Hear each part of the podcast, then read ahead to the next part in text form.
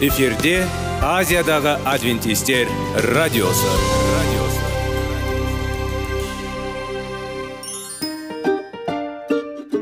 Сәлем достар. Денсаулық өмір бұлағы және біздің бірінші байлығымыз демекші денсаулық сағаты рубрикасына қош келдіңіздер.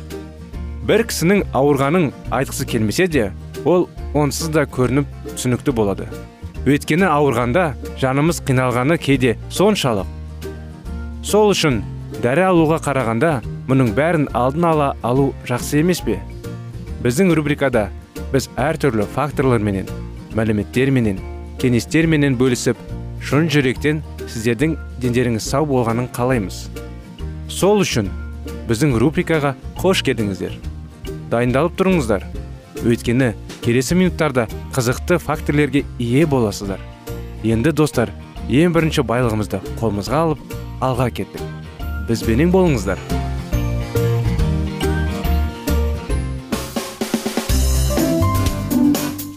Денсаулық туралы хабар. Денсаулықтың ашылуы. Күн сайын сөз үшін күшті кеңестер соңғы жаңалықтар қызықты факторлар біздің рубрикада.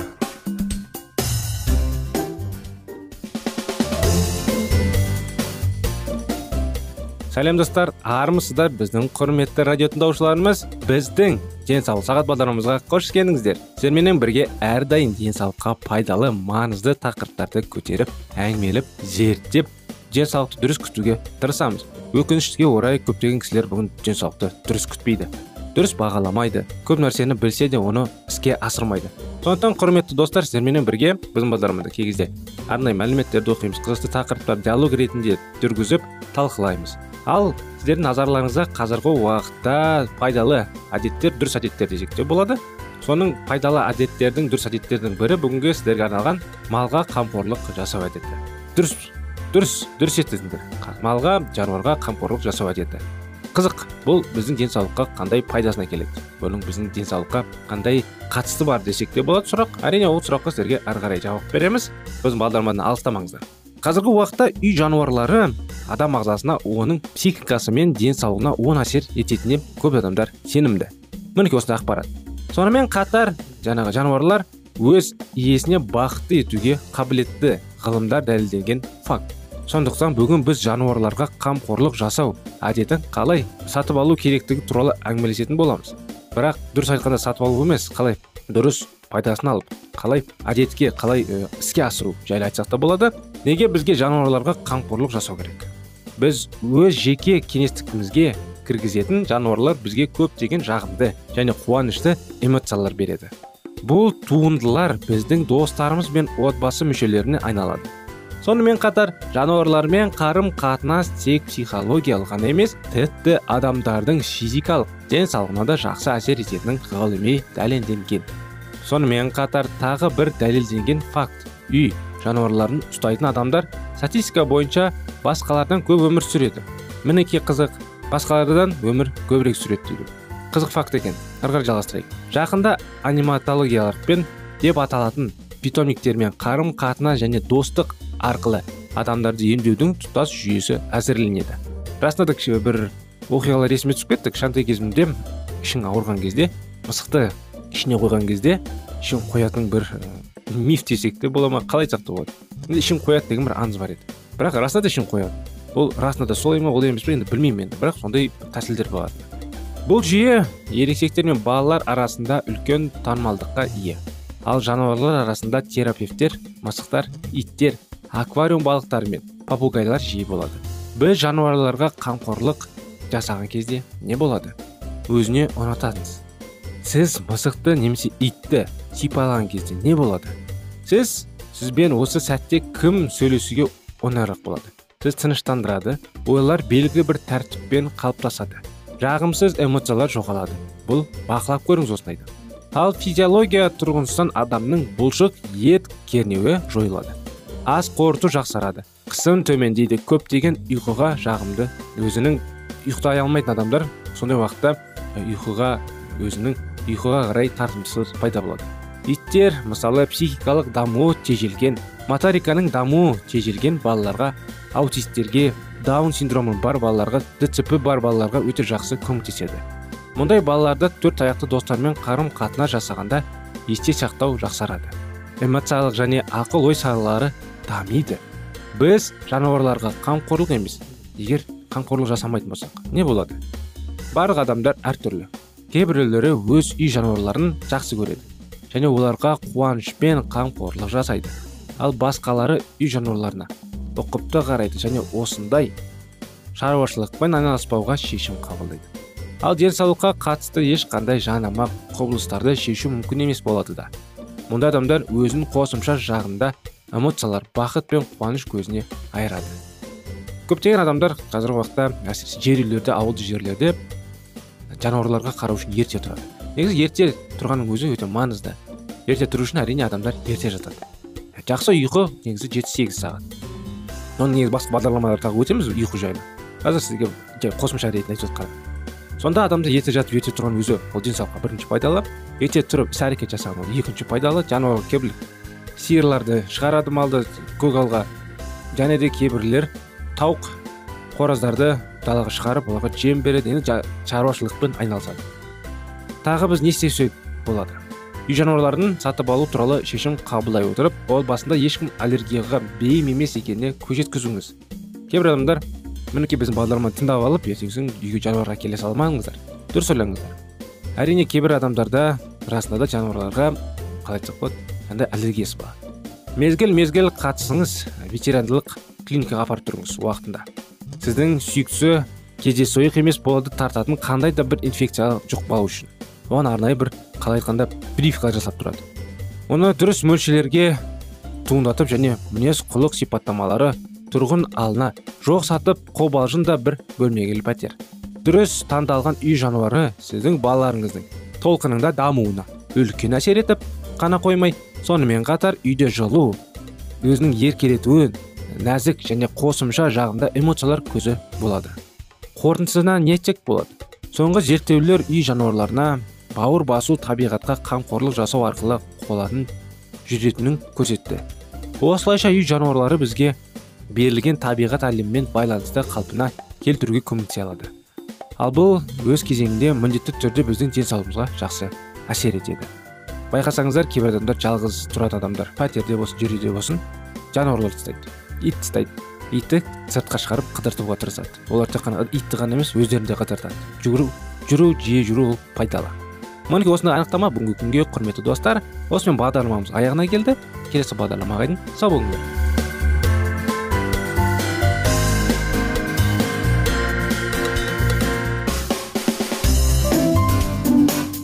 Денсаулық туралы хабар. Денсаулықтың ашылуы. Күн сайын сөз үшін. Күшті кеңестер соңғы жаңалықтар қызықты факторлар біздің рубрикада.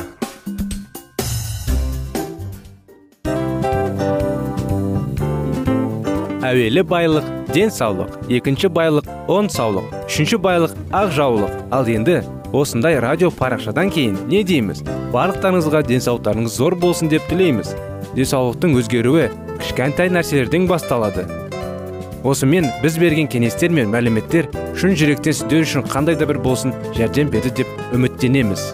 Тыңдаушыларымызбен келесі радио парақшасына дейін қоштассамыз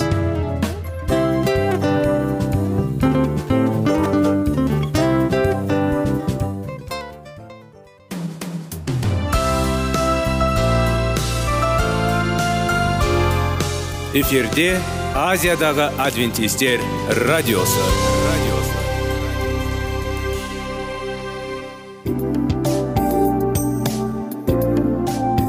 Сәлем достар.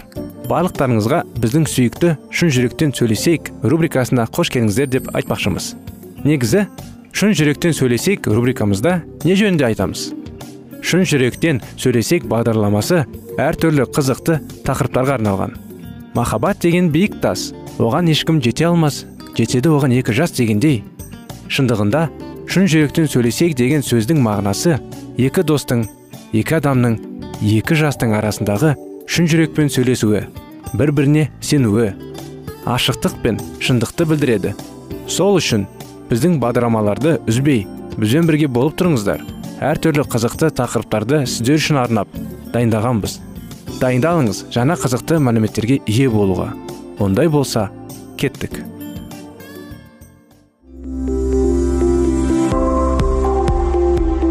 Алтын сөздер.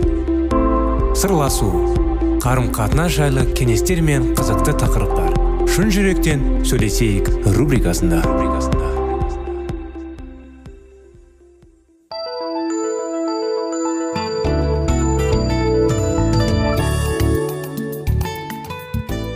Сәлем достар. Армысыздар. Ассалаумағалейкум біздің құрметті радио тыңдаушыларымыз. Біздің шын жүректен сөйлесейік бағдарламамызға қош келдіңіздер. Құрметті достар назарларыңызға шын жүректен сөйлесейік бағдарламасында біз қарым қатынас жайлы махаббат жайлы сүю жайлы достық жайлы әкесі мен баланың арында, арасындағы қарым қатынастар жайлы. Қалай баланы дұрыс тәрбиелеу қалай ата ананы дұрыс түсіну әрине әйел мен күйеуінің арасындағы қарым қатынас үйленер алдындағы қарым қатынасты қалай ары қарай жалғастыруға болады деген тақырыптарды көтеріп әңгімелейміз. Қазіргі уақытта сіздердің назарларыңызға шектеулер кітабын жалғастырудамыз.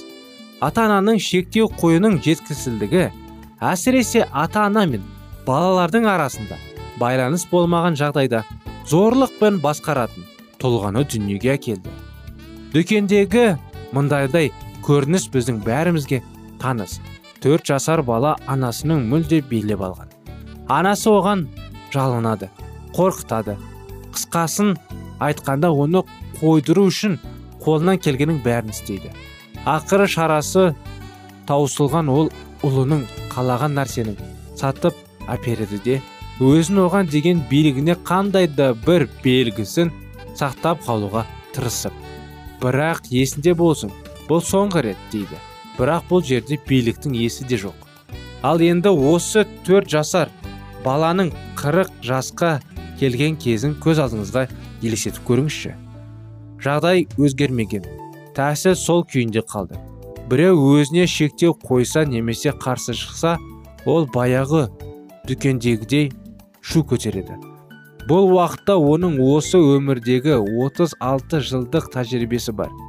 Осы адамның бойындағы бір нәрселерді өзгерту үшін оған қатты әсерін тигізетін жағдайлар қажет. Бұл сырқаттану жұбайынан ажырасу немесе түрмеге түсіп қалу де себеп болуы мүмкін. Тәртіптен қашып құтылатын бірде бір адам жоқ. Ерте ме кеш пе ол әркімді бағындырады. Біз не екіске соны орамыз бұл қаншалықты кеш болса жағдайы соншалықты ауыр болады. Себебі тұлғаның бүкіл қаупі де зор болады. Бұл жерде біз шектеулерді қабылдағысы келмейтін және қабылдай алмайтын өзгелердің қажеттіліктеріне құлақ асқысы келмейтін адамдар туралы айтып отырмыз. Бұл адамдар шектеулердің жетіспеушілігінен қатан бақылауда болғандармен бірдей дәрежеде сардап шегеді. Шектеулер орнатудағы тиянақсыздық. Кейде ата аналар балалардың қалай тәрбиелеу керегін көз көз алдына нақты елестете алмайды. Немесе оларды өздері тұлға аралық шектеулердің қандай да бір түрінің бұзылуынан зардап шегеді. Мұндай жағдайда олар бала тәрбиелеу барысында ережелерді орындауда тиянақсыз болады. Дәлірек айтқанда кейде бұл ережелер тым қатан сақталады да содан соң түсініксіз себептермен бұзып бастайды. Бұл баланы шатастырады ол отбасы мен өмірдің заңдарын түсіне алмайды. Мұндай көріністі араққа салынғандардың отбасына жиі байқауға болады. Әкесі мен шешесі бүгін мейірімді болса ал келесі күні еш себепсіз қаталдық көрсетеді. Көңіл күйдің осындай құбылмалы болуына ішімдік себепкер болады. Ата анасының ішімдікке салуының кесірінен бала шекараларды шатастыра бастайды. Мас күнем ата ананың ересек балаларында барлық қарым қатынастарында өздерін қауіпсіз сезінбейді. Осылайша үнемі қауіпті жүреді. Мас күнімдерін балалары үшін шектеулер орнату қашанда ауыр болады. Жоқ деген сөздері арқылы олар біреудің құрметіне ие болулары да болмаса оның ашуына тиюлері де мүмкін. Олар киелі кітапта айтылатын күмәншіл адамға ұқсайды. Тек шөбаланбай сеніммен құдайдың сұрауларын керек.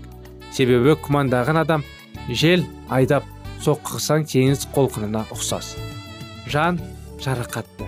Бұған дейін біз отбасылық қарым қатынастарды бірнеше түрін қарастырдық кейде ата аналар балаларымен қарым қатынастарында үйлеспейтін шектеулер орнатады.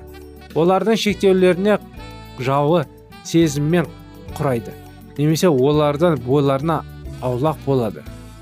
Сонымен қатар шекалардың қалыптасуына белгілі жан жараларды да кедергі жасауы мүмкін. Жан жарасы бұл жанды дегендей жейтін аса ауыр сезімдік қасірет. Оның мінез құлқы ешқандай қатысы болмау керек. Сезімдік тани немесе жыныстық зорлық зомбылық қашанда жанға ауыр жара салады. Ата ананың бірінің айтыс болуы ажырау немесе қаржыдан тапшылық көру секілді жағдайлар да жан жарасынды әкеліп соқтырады. Мұны бейнелеп көрсету үшін ормандағы ақшаларды алып қарайық. Топырағынан құнарсыздығының себебінен олардың бірі дұрыс көтере білу ал екіншісі суды немесе күн сәулесін тым аз немесе тым көк қабылдау мүмкін. Мінез құлқының қалыптасуы ағаштың өсуіне ұқсайды. Жара бұл ағаштың дініне түскен жасан іспетті. Жан жарасы шектеулердің қалыптасуы барысына өте жаман әсер ету мүмкін. Себебі ол балалардың ішкі өсуіне қажетті екі іргетасы шайқылтады. Осы дүние қауіпсіз орын және басқаша болуы мүмкін деп емес. Мен өз өмірімді аз бақылауды ұстаймын. Жандарына жара түскен балалар осы сезгірдік шайқалмаған сезінеді. Олардың өз қауіпсіздігіне сезінімді болмайды. Оларды қорғаныстық пен қорқыныш сезім баруды оларға көз келген қауіптілік алдында. Өздері мүлдем қорқатсыз сияқты болып көрінеді. Осындай анықтамамен құрметті достар біз бүгінгі бағдарламаны аяғына әкеліп соғамыз. Сіздерді келесі бағдарламаға шақырамыз. Келесі жолға дейін сау болыңыздар.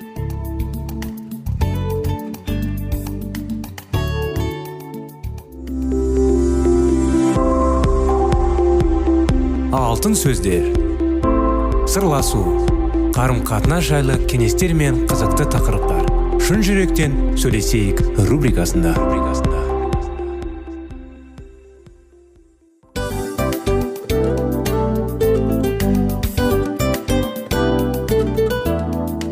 Құрметті достар барлық ең соңғы кеңестер аяқталған соң біздің программамыз соңына келіп қалды.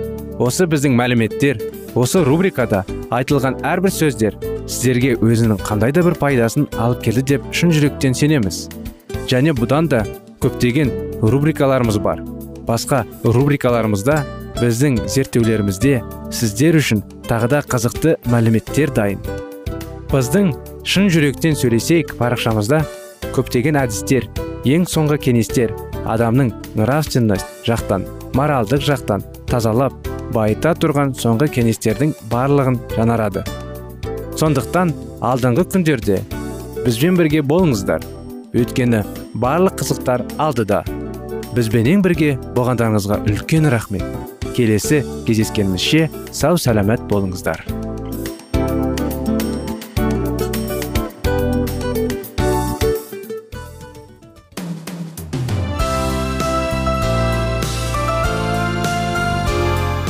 Эфирде азиядағы адвентистер радиосы.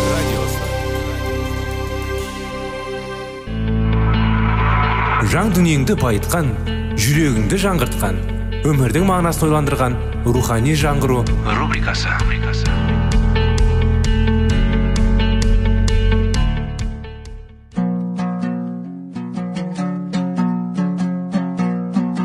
Ассалаумағалейкум. Біздің тыңдаушыларымыз келі кітаптың шындығын ашып берген қысқа бағдарламасына қош келдіңіздер. Барлығынан жоғары жаратушы біздің қарыңғылықта жалғыз қалдырып қойған емес. Өйткені ол келешекте не болу керек екенін кітаптың парақтарында ашып береді. Немесе келіңіздер бізге қосылыңыздар. Жаратушы бізге нен ашып бергенін зерттейміз. Сәлеметсіздер ме құрметті біздің тыңдаушыларымыз? Ассалаумағалейкум дейміз құрметті біздің достарымыз. Біздің рухани жаңғыру бағдарламасына қош келіпсіздер. Әрине бізге жаңадан қосылып жатқан тыңдаушыларымыз болса да сіздерге сәлем жолдаймыз. Біздің рухани жаңғыру бағдарламасында әрдайым рухани тақырыптарды зерттейміз. Рухани тақырыптарды талдаймыз. Рухани тақырыптарға диалог жүргіземіз. Әрине рухани тақырыптарға байланысты кеңестер беріп әрине күшті керемет кітаптарды оқып бере аламыз сіздерге. Сондай мүмкіншіліктеріміз бар. Сондықтан біздің бағдарламамызға қош келдік деп айт, айтпақшымыз сіздерге және де жақында бастаған кітабымыз бар біздің жаратушыға апаратын жол деген. Өткен жолы енді аса көпке көп нәрсе өткізіп алған жоқпыз. Енді енді бастаған едік. Жаратушының жаңа жаратылыс жайлы бұл әлемді күнәсі жаратқан жайлы. Сондықтан құдайдың құдіреті жайлы бізге сүйіспеншілік жайлы бізге жаңа жақсы көретін махаббат жайлы өткен едік. Сонымен жалғастырамыз сұм шайтан құдайды адамдардың қателіктері мен сәтсіздіктеріне ғана көңіл бөліп тек сол қылықтары үшін қатал үкім шығарып жазалауға бейім тұратындай етіп көрсетті.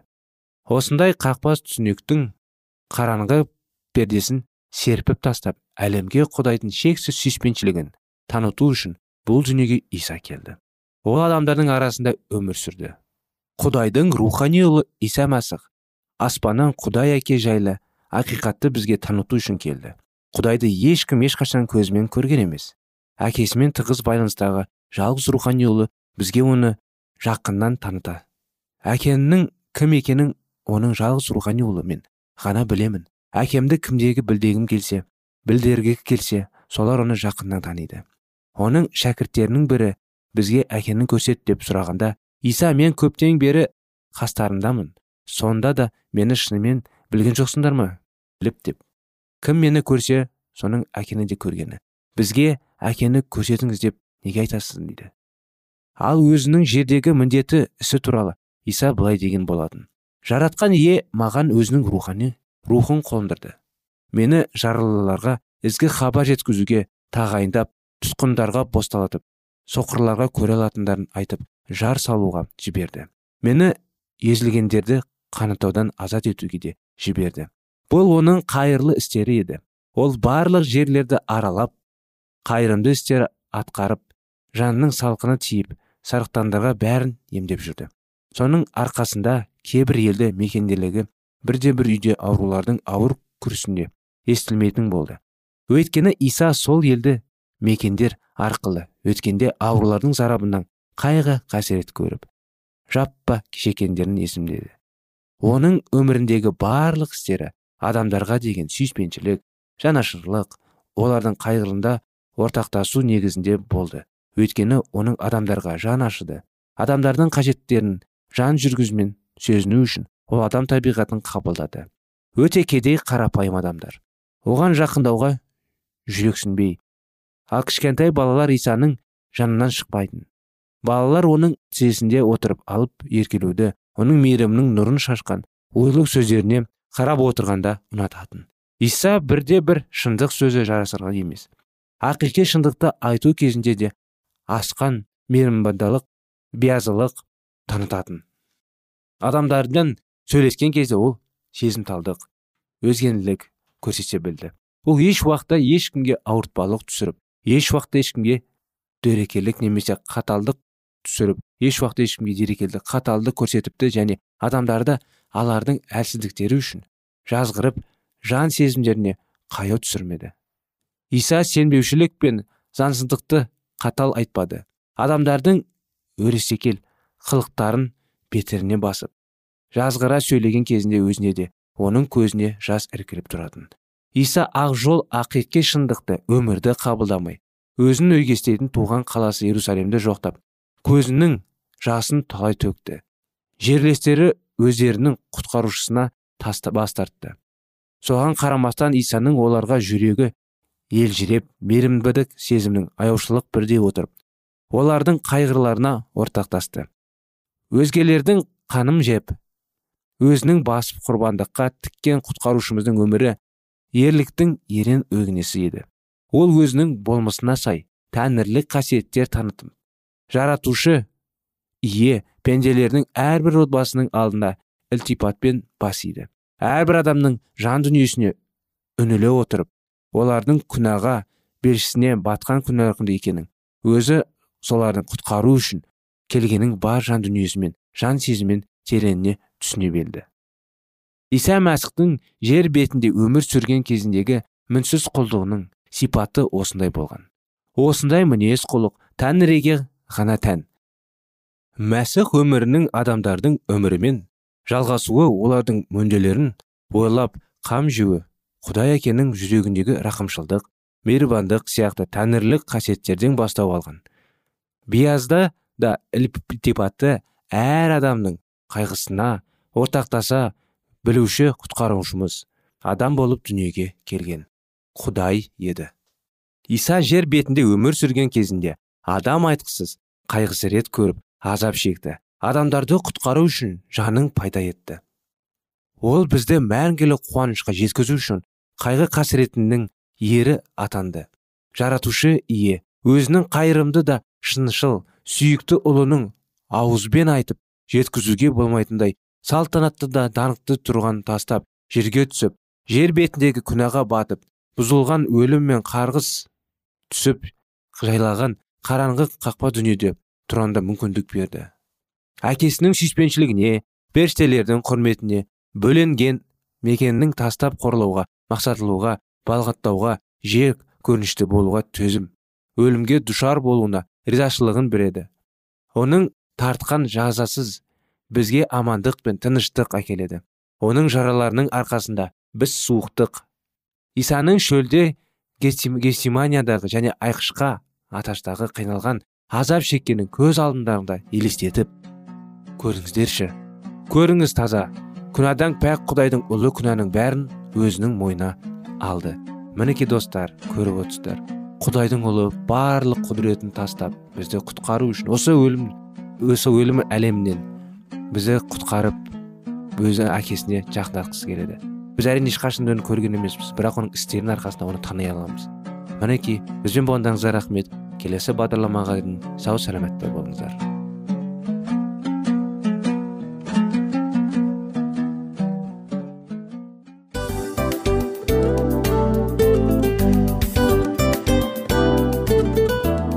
достар біздің радио парақшамыз өзінің соңына келіп те қалды. Демек бұл программамыздың қорытындысын айта кету керек. Негізі істің басталып жатқанын қуанту керек пе? Әлде оның қорытындысы қуанту керек пе? Сіздер қалай ойлайсыздар? Меніңше қорытындысы деп ойлаймын. Себебі жасаған ісінің жемісін көріп қорытынды арқылы бағалап жүрегін қуантады. Баяғыда айтқандай бидайды сепкенде емес бидайдың жемісін жинаған кейін ыстық нанды жегенде кәдімгідей рахаттанасың ғой. Осымен біздің бағдарламамыздың аяғында тыңдаушыларымыз қандай пайда алды екен деген ойдамыз. Егерде өткен сфераларда пайдалы кеңес алған болсаңыз біз өзіміздің мақсатымызға жеткеніміз. Бүгінгі 24 сағаттың алтындай жарты сағатын бізге бөліп ардағаныңыз үшін рахмет. Келесі кездескенімізше қош сау болыңыздар. Достар біздің бағдарлама бойынша сұрақтарыңыз болса әрине сіздерге керекті анықтама керек болса біздің whatsapp нөмірімізге хабарлассаңыздар болады. Плюс бір үш жүз бір жеті жүз алпыс алпыс жетпіс. Иә достар сіздер қателеспедіңіздер бұл біздің номерлерге ұқсас болмаса да бұл whatsapp номер арнайы. Хабарласыңыздар сұрақтарыңызды қойып тұрыңыздар. Анықтаманы алып тұрыңыздар. Плюс бір үш жүз бір жеті жүз алпыс алпыс жетпіс whatsapp номері